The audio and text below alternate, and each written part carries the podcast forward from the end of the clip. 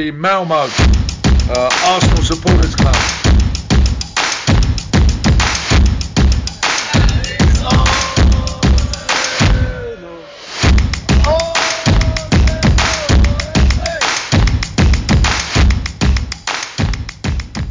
Då hälsar jag er varmt välkomna till ett nytt avsnitt av Arsenal Malmö Podcast. Den här veckan hade vi tänkt att vi skulle snacka om North London Derby och Tottenhams troféer och titelskåp och Audi Cup och allt möjligt. Men eh, vi får skjuta på det helt enkelt och kan bara konstatera att North London is red tills vidare. Eh, mitt namn är Rickard Henriksson och denna veckan har vi med oss Nassim Selam. Varmt välkommen! Tack så mycket! Lika roligt att vara här, eh, vara med varje gång.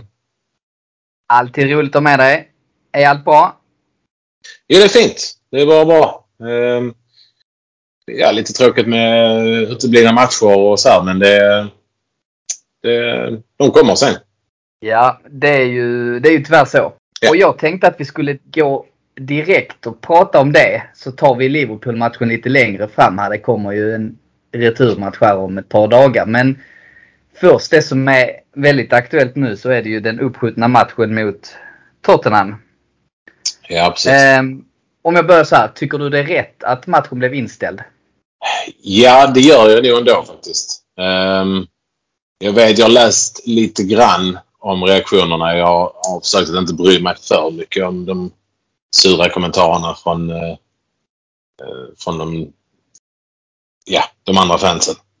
Uh, men ja, vi, det är ju ändå Corona och jag vet, det var inte så många Covidfall i Arsenal men jag tror ändå det spelar roll att det är ytterligare en grej med bland annat skador och afrikanska mästerskap och allt som, är, som händer just nu. Så jag, jag tycker ändå att det är rätt. Eh, sen kan jag förstå att, eh, att Tottenham är lite sura för att jag tror ändå de hade haft en bra chans att eh, att få med sig, jag tror faktiskt tre poäng. Så eh, jag är glad. Ja, alltså det, det, vi kan ju konstatera det. Vi hade ju knappt haft något lag att ställa på eh, benen. Så med, med det sagt är det ju skönt att matchen är inställd. Men jag skulle vilja säga så här. Om man följer Premier Leagues regler och liknande. Då är det ju inga konstigheter. Då, då är det ju solklart att matchen ska ställas in. Eh, sen så pratar många om att ja, men vi hade bara ett eller två covidfall. Förvisso, Mm. absolut. Men eh, reglerna är tydliga. Eh, det, det står så har man inte 13 seniora utespelare som man kan eh, ställa på banan. Då, då blir matchen inställd. Och med seniora utespelare så menar man då de som har spelat just en A-lagsmatch. Och då är det flera av de här U18-spelarna och liknande som faller bort. Så det är svårt att diskutera någonting. Det är solklart. Sen kan man ha väldigt mycket synpunkter på, ska det vara så? Men enligt reglerna är det ju inget snack. Då, då ska ju matchen bli inställd. Jag tror den, den första reaktionsvågen det är ju de här hobbyryttarna på, eh, på internet som, eh, som inte har lika stor vetskap som, eh, som du har, eh, kära Rickard. Eh, men ehm, nej, och sen kommer ju det, alltså jag så, vet han, Mika Richards kom ut och sa att det var helt rätt och eh, så ja, de tystas ju rätt snabbt. Ska jag tolka Ja, det men som alltså- att eh, jag har högre... Ja, förlåt, vad sa du? Ja, nej, du har absolut högre vetskap än de flesta på, på internet. Jag vet, jag Jag vet hur du är med din... eh, Nej, ja, jag hänger ju på Twitter. Det är väl där man läser det från absolut. Så man ska väl ta det med en nypa salt. Men du menar alltså att jag har högre intelligens än vissa andra som hejar på ett annat lag? Det var det jag ville höra dig berätta. Ja, förmodligen eh, alla. Då, eh, Exakt. du, du är ju på rätt lag så det är bara där är det... Exakt. Nej, det säger ingenting att- om mig utan det är bara laget vi hejar på. Ja, nej men jag vet att... Eh, jag vet också att du, eh, du läser mycket och läser på mycket och så här. I brist Men på nej, annat vi- att sysselsätta sig med nu under eh, covid så blir det ju så tyvärr. Eh, som sagt, Mr Twitter. Ja, precis, precis. Men vad säger du om man bara ser det? Alltså, vad tycker du om den här regeln? Alltså 13 är väl... Eh, Det är- 13, jag vet inte, rent spontant känns väl 13 ändå som ett ganska högt nummer, eller? En ganska hög siffra. Men Då är det ju två ut- avbytare bara. Tre. Ja, då har du eh, alltså då ett fullt seniorlag om man säger så och två avbytare som också är seniorer. Mm. Um, men ja, det är alltså sen samtidigt, du ska inte behöva ha, vad har vi, fem avbytare? Och, hur många, ja, fem avbytare har vi. Sju. Du ska inte behöva ha uh, fem uh, juniorer på avbytarbänken egentligen. Um, så nej, kanske inte ändå. Uh, om man ser det på det, på det sättet att ja, du har ett fullt lag och så två avbytare. Ja, du behöver ju kunna fylla laget. Du behöver, ja, ja, ja, kanske inte fylla. Alltså, det måste ändå vara någon undre gräns om man säger så här. Men i alla fall kunna av, alltså byta, byta in i alla fall en per position, tänker jag. Um, alltså säg en back, en mittfältare eller två och en anfallare. Eventuellt en målvakt. Um, för att det ändå ska vara hyfsat rättvist. Men um, ja, det måste ju ändå finnas någon regel och detta är regeln och alla, alla vet om det. Eller kanske inte vet om det, men de ska ju veta om det. Så. Vad tycker Precis, du? men det jag tror att många... Nej, men jag tror många reagerar på att vi bara hade ett covidfall eller möjligtvis två. Och att det är mm. det man blir irriterad på. Dels att vi skickade ut några spelare på lån och, och så vidare. Och jag kan väl förstå dem men sen samtidigt. Vi har så pass många skador för att det är tätt matchande och på grund av covidbortfall och liknande. Och då är det ja. inte så konstigt så att man får titta på helheten. Men med det sagt, jag tycker regeln är fel. Jag tycker man borde sätta en gräns på enbart covid-bortfall. För skador och landslagsuppehåll är en del av, det är en del av spelet och det vet alla om. Så man borde ha en regel som säger x antal covid-fall. Och då ska du ha ett oberoende labb som gör de här testerna, inte klubben själva. Typ alla Liverpool. Utan man ska vara, okej, okay, fem covidfall, positiva. Då ställer vi in matchen om ni inte kan matcha ett fullt lag. Så att man har det tillägget. Någonting sånt. Men om det hade varit, eh, om inte covid hade funnits så hade det varit en annan, eh, jag vet inte, whatever. Eh, de hade varit med om en buss, bussolycka och eh, halva laget hade fått whiplash eller någonting. Hade, hur, hur hade du sett det då? Jo, men då, då antar jag att det finns en sån, eh, vad ska man säga, specifika oförutsedda händelser eller någonting sånt. Om någonting sånt händer, en flygolycka eller någonting sånt. Då, då får man ju och det tror jag finns. Men generellt tycker jag att klubban har så pass stora trupper och det borde inte kunna hända. Man, man ska vara förberedd på det. Men... Eh, tror du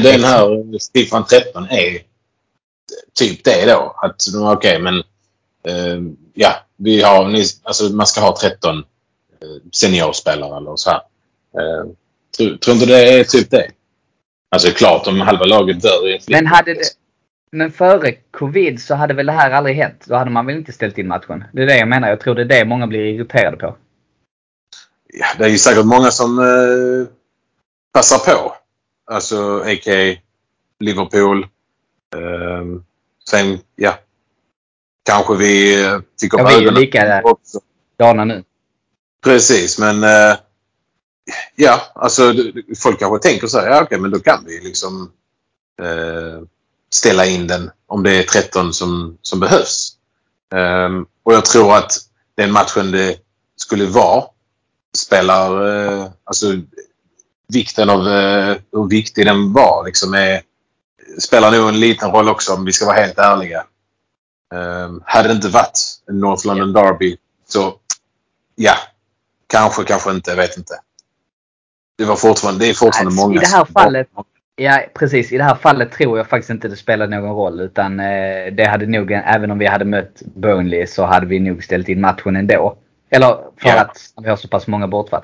Men man kan ju vända på det. Det jag blir mest irriterad på det är ju att Arsenal blir så uthängda i media. Titta på Leicester till exempel som dessutom har fem spelare borta till, i Afrika.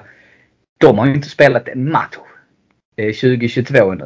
Nej. Och det är ju ingen brittisk media som skriver någonting om det. Burnley fick sin femte match uppskjuten nu. Så jag menar, vi, och vi har fått en match uppskjuten som vi har velat ställa in. Sen så var det ju också en Wolf ställa in mot oss och sådär. Så jag menar, vi blir ju the bad guy i media när vi inte har gjort något fel egentligen. Men jag vet inte, vi är väl vana vid det, känns det som. Det är inte ja, bara... det är inte så. Det är inte första gången. Jag vet inte om alla lag tycker och tänker så om sina lag. Men jag tycker definitivt så om Arsenal i alla fall. Att eh, vi tar mycket...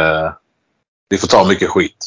Men men. Det, och det jag blir mest irriterad Ja, nej, men det jag bara för att avsluta den diskussionen. Det jag blir mest irriterad på det är ju de som uttalar sig väldigt mycket på sociala medier utan faktiskt ha koll på vad reglerna är. De bara tycker att det är, att det är liksom manipulation och det är fel av Premier League och sådär. Men samtidigt, Premier League de har ju skjutit sig själva i foten när de började ställa in matcher. Och det var ju dessutom Tottenham som ställde in den första matchen. Så det var ju de som började hela det här. Satte bollen i rullning. Ja. Alltså, det, vi får ju, vi, vi får, det är bara att vänja sig vid sådana här grejer. Det är liksom dagens eh, internet och Twitter och allt det här. Det, alla kommer skriva sina åsikter och tankar och ja, det var lite det här jag menade. Att du läser ändå på men det, tyvärr är det inte många som, som kollar upp fakta innan, eh, innan de uttrycker sig eller skriver och så här på... Och tyvärr är det oftast de som hörs mest. Men mm. jag vet, det, det kommer ändå fram sen. Eller så bara blir de tysta när de finally har liksom öppnat en faktabok och bara ah okej okay, men detta är ju regeln eller detta det är faktiskt okej. Okay. Uh, då brukar de försvinna rätt snabbt. Så jag, jag lägger inte ner så mycket värde på eller många, det är inga sömnlösa nätter precis på, på dem i alla fall.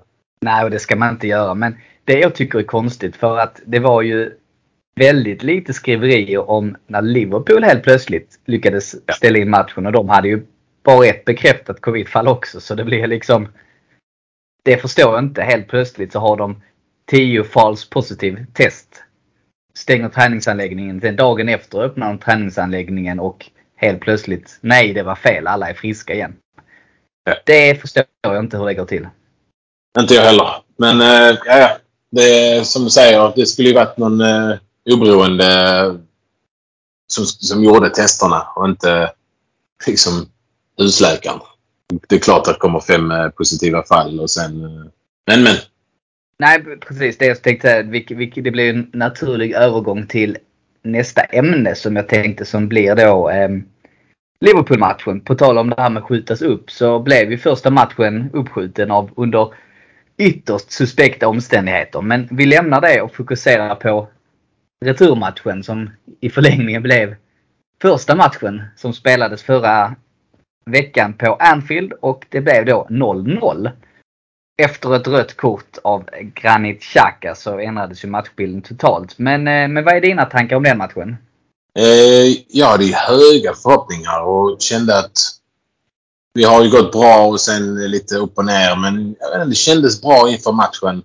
Det kändes bra i ungefär 23 minuter. Och sen, eh, ja, vi, vi kollade ju på den tillsammans. Eh, och alla, jag tror alla, ja. alla på stället kände samma sak. Att, ja, here we go again. Um, men, um, men det gick väl ändå bra till slut. Tycker jag. Man tar ja, de förutsättningarna vi hade. Eh, det är ju inte många som eh, håller nollan på Anfield. Om man säger så. Nej, det är inte det. Och speciellt inte med en man mindre. Nej. Så vi gör det jättebra. Och jag tyckte det var rätt intressant att Arteta gjorde ju snabba byten och det är ju inte han känd för utan jag kan tycka att han ibland väntar lite för länge med att göra justeringar men han eh, agerade rätt så snabbt att han... Eh, alltså fick vi ju dessutom Cedric skadad. Och ja. sen... Ehm, och sen gjorde han ju ett byte. Han tog in Holding. Och så tog han ju ut Enketia ganska omgående efter det röda kortet. Ja, så det var ändå intressant att redan Ja, men redan där så satte Arteta, visade okej okay, grabbar, nu stänger vi matchen. Vi ser till att släppa in så lite som möjligt så vi har ett resultat att spela på i returen. Så det var intressant att han tänkte så. Ja, men ja, ja absolut. Men jag, tycker, jag, tycker det, jag tycker han gjorde helt rätt faktiskt. Um, sen uh, som vi snackade om uh, när vi kollade på matchen att han kanske inte tog ut rätt lag. Eller enligt oss så tog han kanske inte ut rätt lag ja, men till exempel som Xhaka då. Eh, innan en eh, North London Derby. Men, eh, men det, han gjorde det bra sen. Så jag tyckte han gjorde bra byten. Och ja, det är lite surt för Enketia att komma ut. Men någon måste komma ut och ja, det fick, det fick bli han idag. Alternativet hade varit att ta ut Lacazette och det kändes ju Det hade inte varit bra. Nej, precis. Eh, så återigen, ja. Jag tror också att Enketia fattade. Det är klart det var surt just då att han spelar inte jätteofta, startar ännu mindre ofta. Eh, och så äntligen får chansen kanske visa sig och så blir han utbytt efter 23-24 minuter. Eh, men jag tror ändå att han förstår. Ja, det tror jag också. Sen samtidigt, jag bryr mig inte jättemycket om honom. Dels så tycker jag han är rätt begränsad som spelare som jag har nämnt rätt många gånger här i podden. Och sen har han ju utgående kontrakt och han vill inte förlänga. Så jag menar, vad, skit i honom. Jag menar han, han kommer ändå sticka gratis i sommar. Så jag bryr mig inte dugg om vi såg hans känslor. Och även om han inte hade haft utgående kontrakt, äh, kontrakt och allt det här så det är inte, det är inte spelaren vi ska... Alltså vi spelar inte för spelaren, det är laget som är det viktigaste. Det kvittar vem det hade varit. Ja. Um, så ja, vi, vi och tränaren och alla måste göra vad som är bäst för laget. Och det, det är punkt slut. Det, och kan han inte säga det eller någon annan spelare inte säga det, ja men då får de hitta ett annat lag. Ja men det är helt rätt.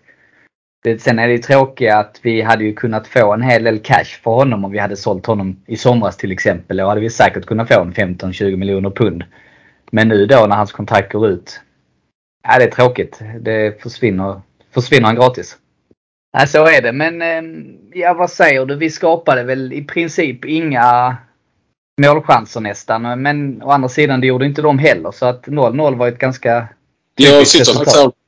Ja, precis. Jag, jag, sitter och kollar på statistiken här och eh, det blev 1-1 i skott på mål. Så det är ju rätt bra. Ja.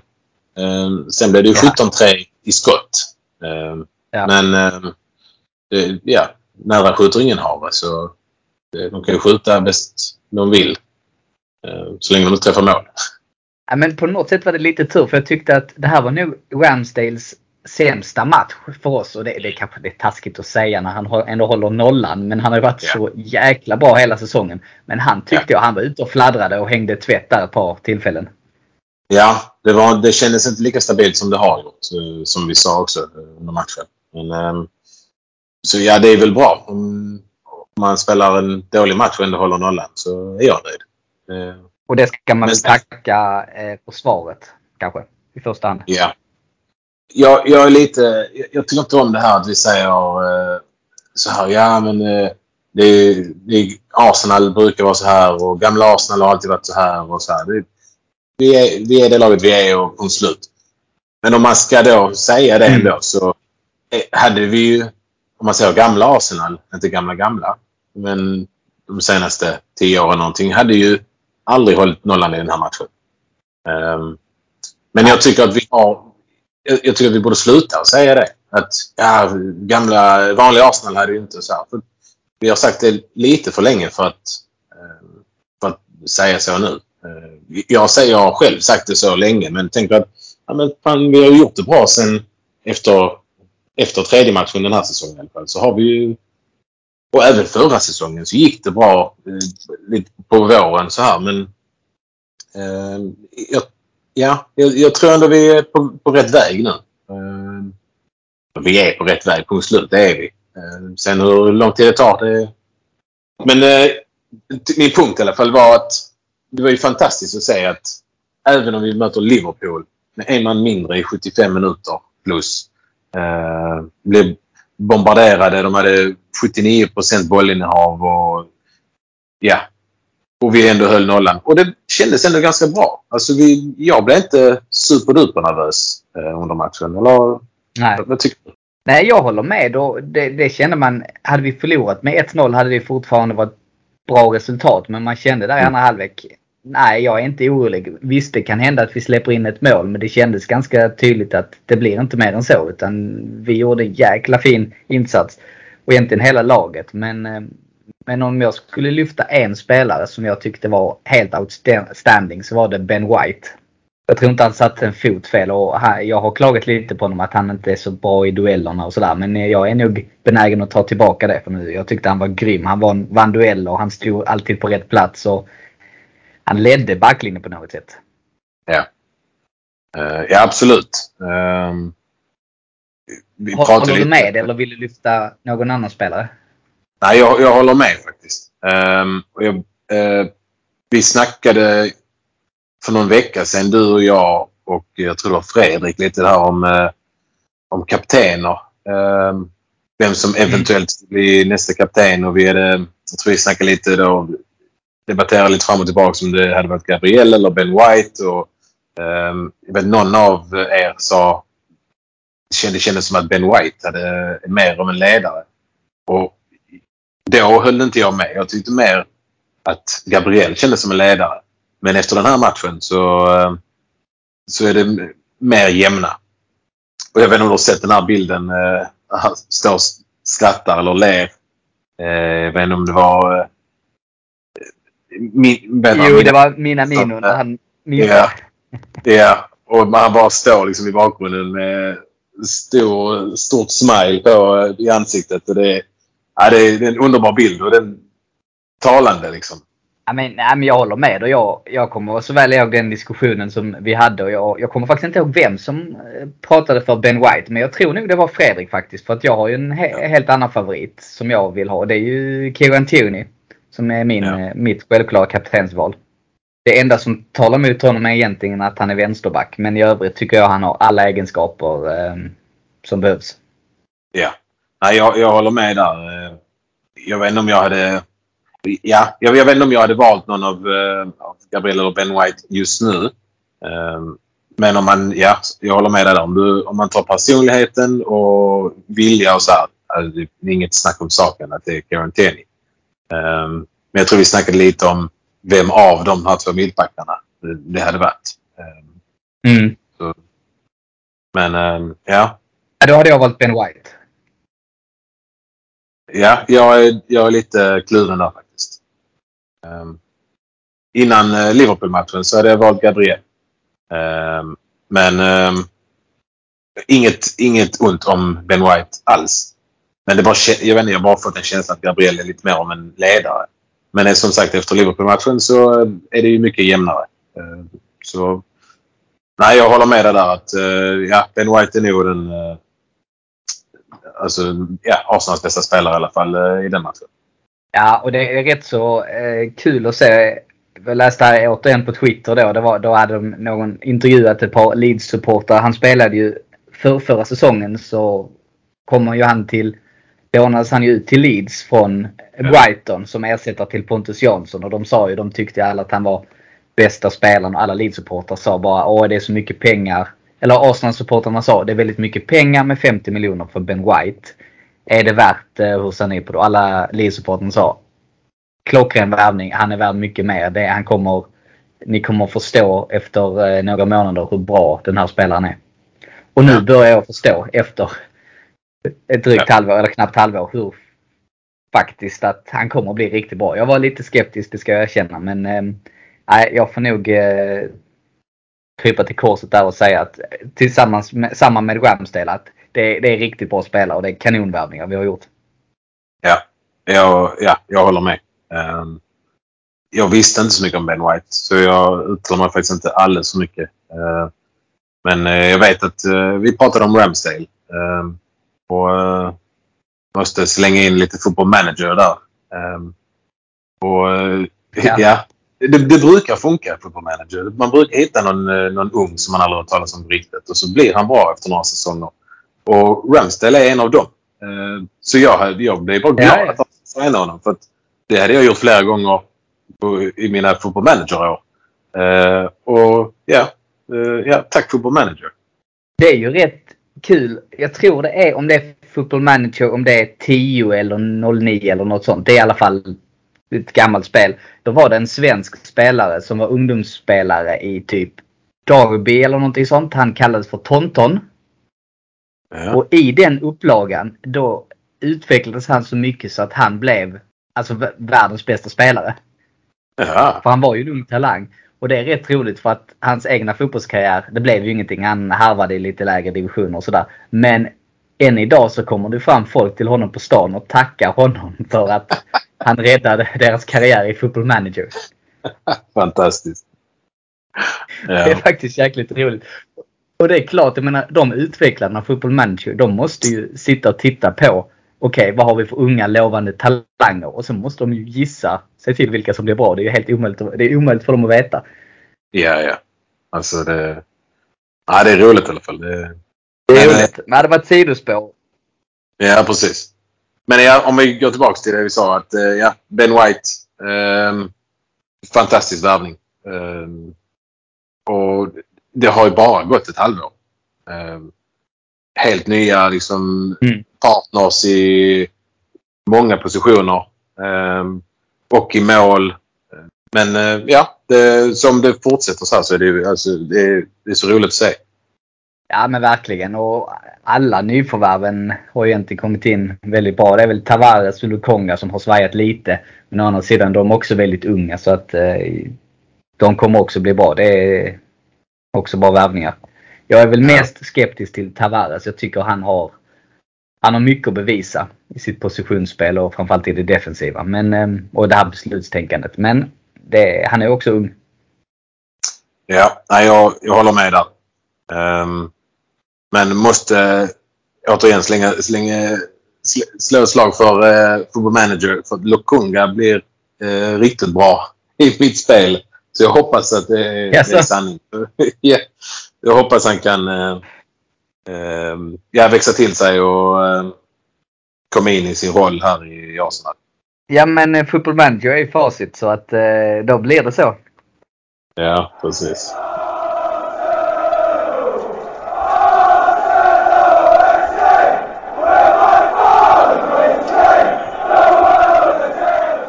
Medlem i Arsenal Malmö. För endast 100 kronor får du rabatter hos våra samarbetspartners Jacksport i Svedala, Limmans Biltvätt och Sax and the City samt hos våran stampub Sir Tobis.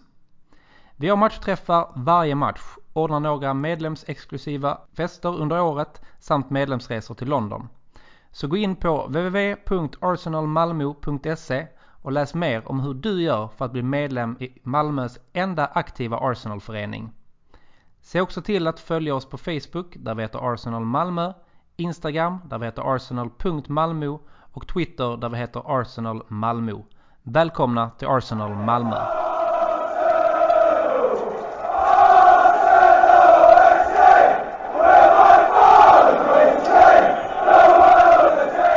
Men jag tänkte på det du, du sa innan här med eh, gamla Arsenal och att man pratar om under Wenger-tiden så hade vi aldrig hållit ut i en sån här match. Det, det ligger mycket i det. Och det. Och jag vet inte om man ska se det som en romantiserad bild. Det här good old Arsenal. Men jag ser det ju snarare som att det här är nya Arsenal och att det är något som är positivt. Det vi håller på Ja. att bygga nu med. Ja, absolut. Ehm, ja, det, det är lite så jag, jag tänker också. Alltså det, men det jag menar är att vi ska inte liksom hela tiden tänka att på Arsenal var...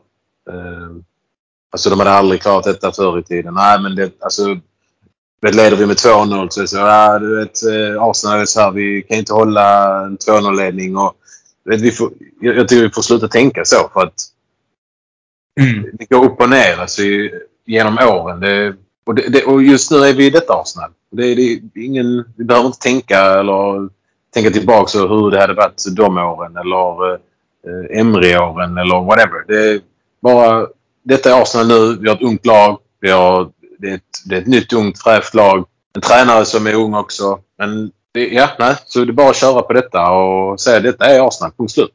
Ja, vad härligt. Och vad tror du? Det här nya Arsenal, vänder vi, eller vinner vi i returen på torsdag? Eller vad tror du?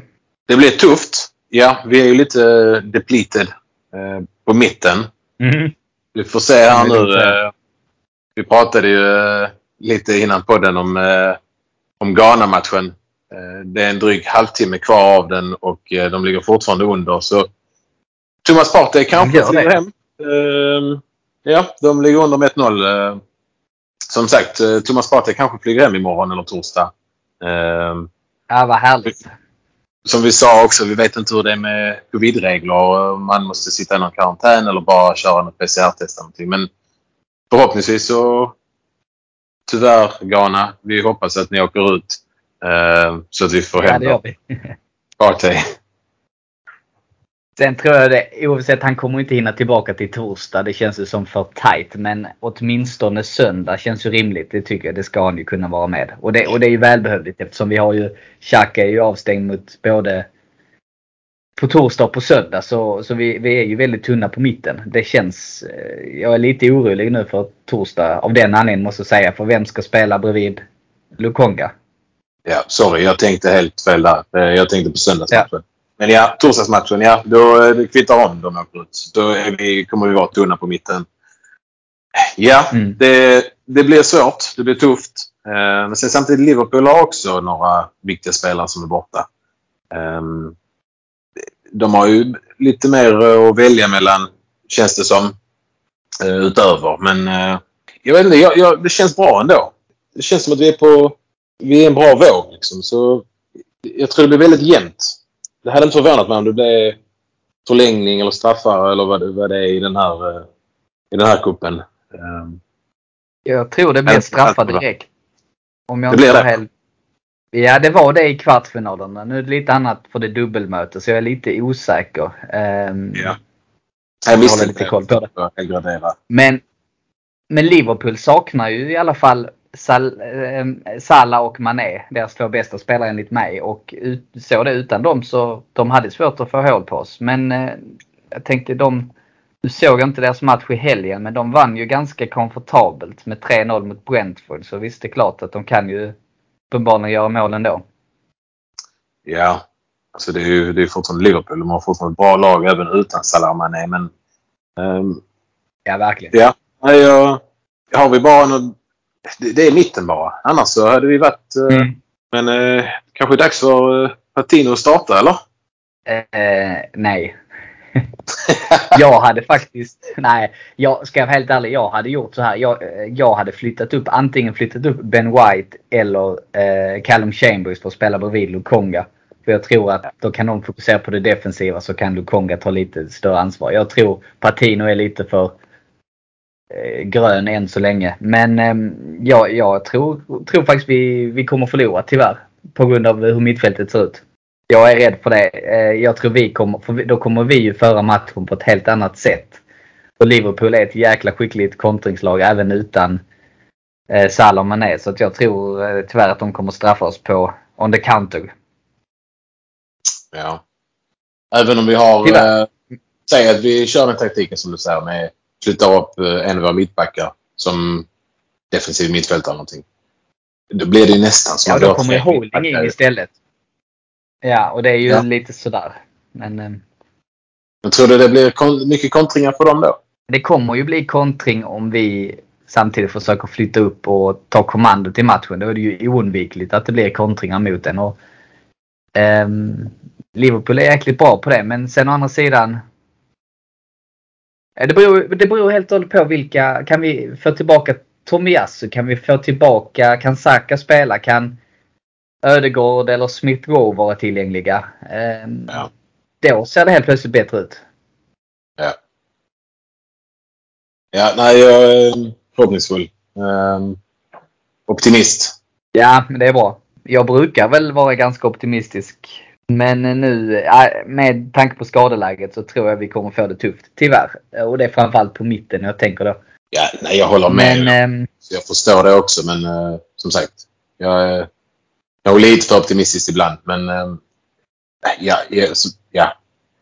Jag hoppas att vi kan äh, jag hoppas vi gör en bra match i alla fall. Det är, ja, lite som, som förra matchen. Vi, ja, vi vann inte men vi gjorde en bra match. Och då kan man liksom ändå hålla huvudet högt.